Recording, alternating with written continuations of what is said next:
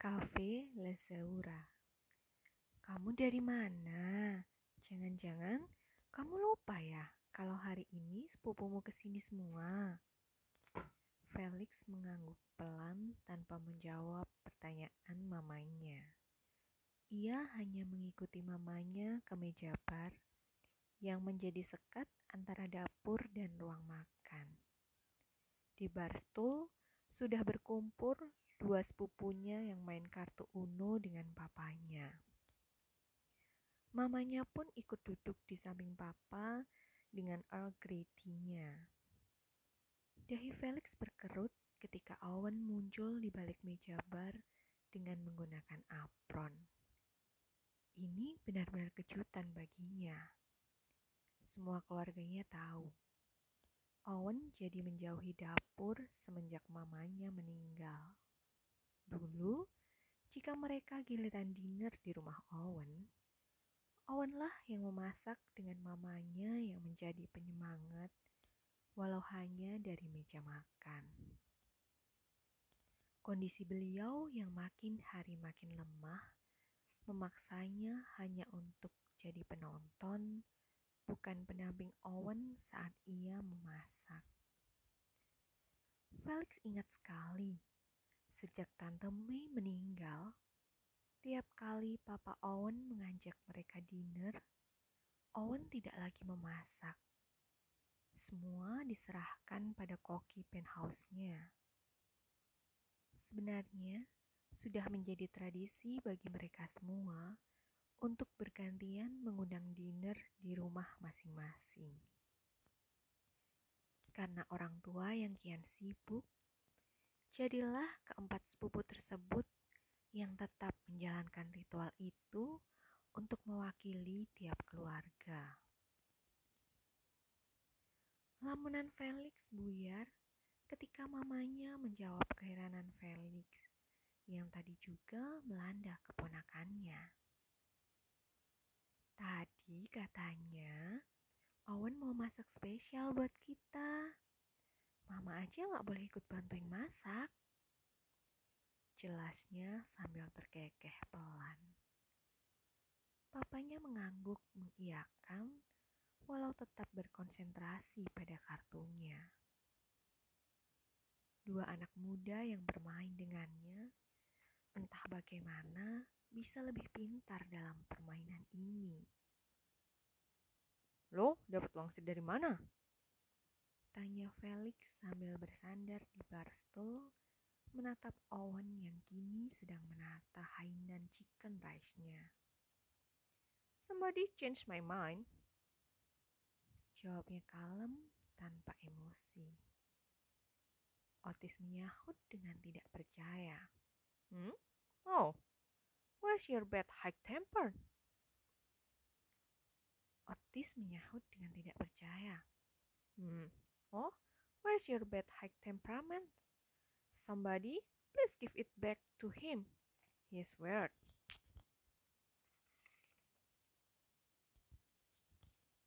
Dylan menyikut Otis pelan. Namun kelewat kuat hingga Otis memelototinya kejam. Bersyukurlah sepupu kita ini udah gak bertemper ababil nan melonjak-lonjak.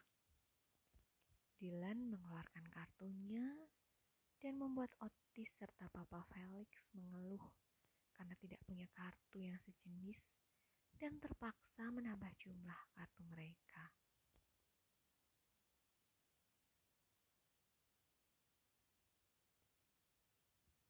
Siapa pun yang change Owen's mind, she should be a girl.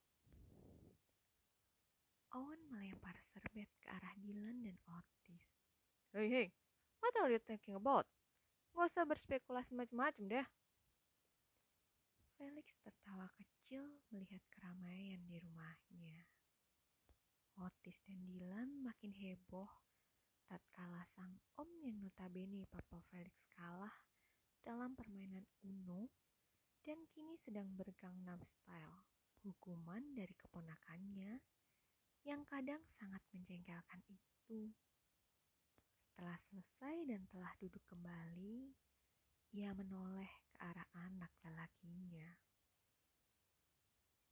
Kamu dari mana tadi, Lix? Makan sama Dora. Felix mengangguk, lalu menjawab lagi. Aku ke makam Olivia. Hening. Otis dan Dylan kini ikut menatapnya. Di sebelahnya, mata mamanya berkaca-kaca mendengar pengakuan Felix. Bahkan gerakan Owen yang sedang memotong lemon pun terhenti. Semua menatap Felix dengan berbagai macam perasaan. Semua tahu betapa sayangnya Felix terhadap Olivia dan begitu sebaliknya. Semua tahu betapa terpukulnya Felix hingga ia belum pernah menjejakkan kaki di makam Olivia. Ini pertama kalinya bagi Felix. Dulu, setiap Felix ingin menjenguk makam Olivia, langkahnya selalu terhenti di depan pemakaman. Ia tidak pernah bisa melangkah lebih jauh. Karena baginya, Olivia belum pergi. Aku sudah melepasnya. Kasihan kalau langkah Olivia tertahan hanya karena aku. Mamanya memeluk Felix erat, seolah tidak membiarkan Felix sendirian. Begitu juga papanya. Otis, Owen, dan Dylan diam-diam tersenyum dalam hati. Di balik semua senyum dan tawa milik Felix, mereka tahu benar ada duka yang tak ingin Felix bagi. Papa berdeham, lalu melepas pelukannya dari dua orang yang paling disayanginya itu. Jadi, siapa? Pertanyaan singkat. Mungkin bagi sebagian orang yang tidak terlalu mengerti esensi pertanyaan tersebut. Namun, Felix menjawab pertanyaan papanya dan rasa penasaran milik mamanya dan sepupunya. Siapa yang berhasil mengubah segala macam persepsinya selama ini? Felix tersenyum. Ia menjawab dengan pasti, menatap keluarganya bergantian.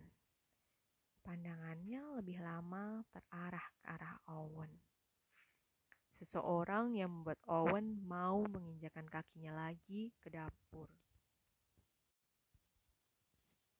Lo yakin mau nerusin kuliah bisnis? Felix melempar sebuah diktat tebal yang segera ditangkap oleh Owen sambil memaki-maki. Iyalah, is there any problem with that? Yes, there is. What? You Dunia lo itu panggung, gitar, dan mix Felix.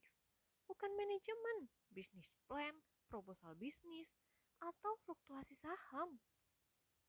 Timpal Otis yang kini sedang memainkan gitar milik Felix yang tergeletak di sudut kamar. Setelah makan malam, mereka, Otis, Owen, dan Dylan pindah markas ke kamar Felix dengan berbagai macam alasan. Owen ingin meminjam diktat. Otis ingin tiduran di kamar. Dan Dylan yang ingin mengambil novel dan Brown miliknya yang beberapa hari lalu tertinggal. Padahal Felix yakin tujuan ketiganya di sini adalah satu, membuat kamar ini berantakan. Gak ada salahnya nurut keinginan orang tua. Toh udah bagus mereka gak ngelarang gue bermusik. Felix duduk di sebelah Dylan yang kini sibuk mengotak-atik iPad Felix di sofa. Terus, kau udah lulus, lo mau ngurus perasaan perusahaan bokap lo? Tanya Dylan. Enggak. Jawaban Felix membuat Dylan kini benar-benar noleh. Terus, lo mau ngapain? Gue mau bikin perusahaan recording dan manajemen sendiri. Perusahaan bokap mungkin gue nggak terlibat sepenuhnya. Ya, baru rencana aja sih. Terang Felix yang membuat ketiganya menarik napas lega.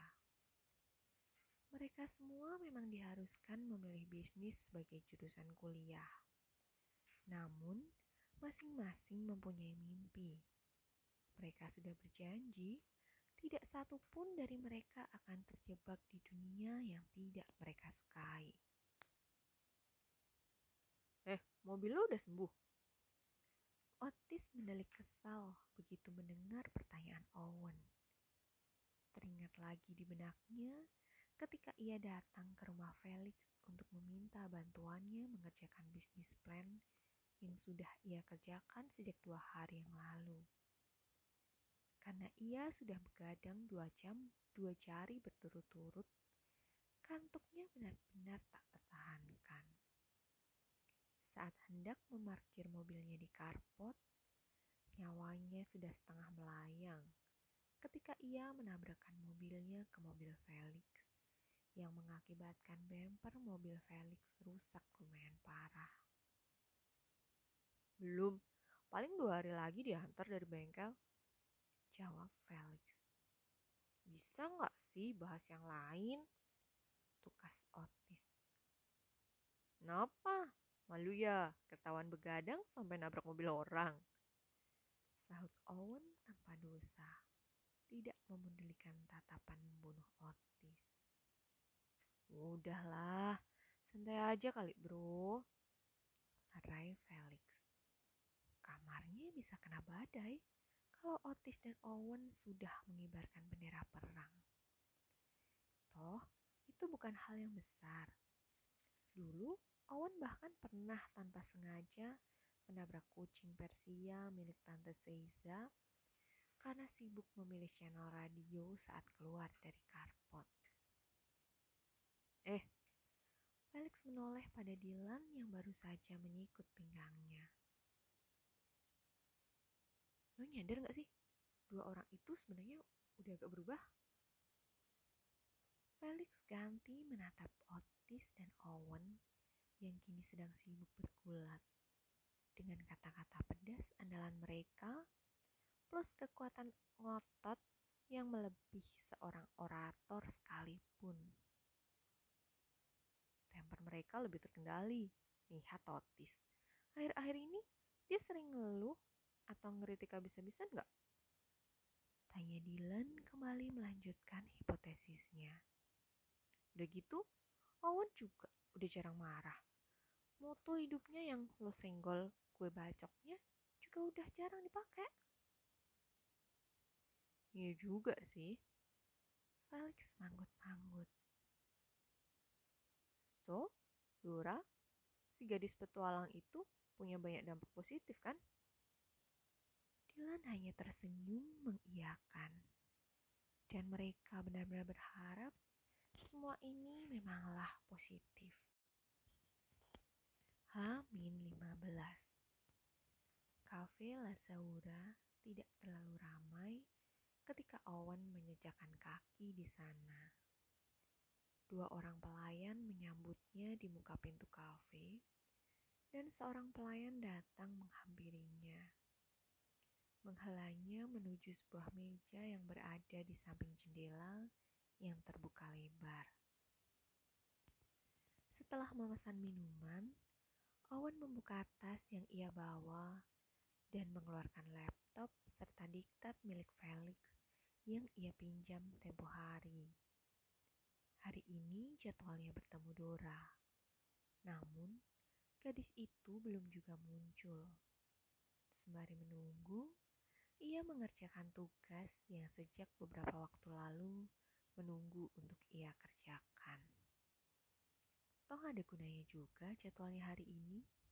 Ia bisa menggunakan tugasnya sebagai alibi kalau-kalau ia nyaris tertangkap basah oleh Dora saat sedang memperhatikan gadis itu.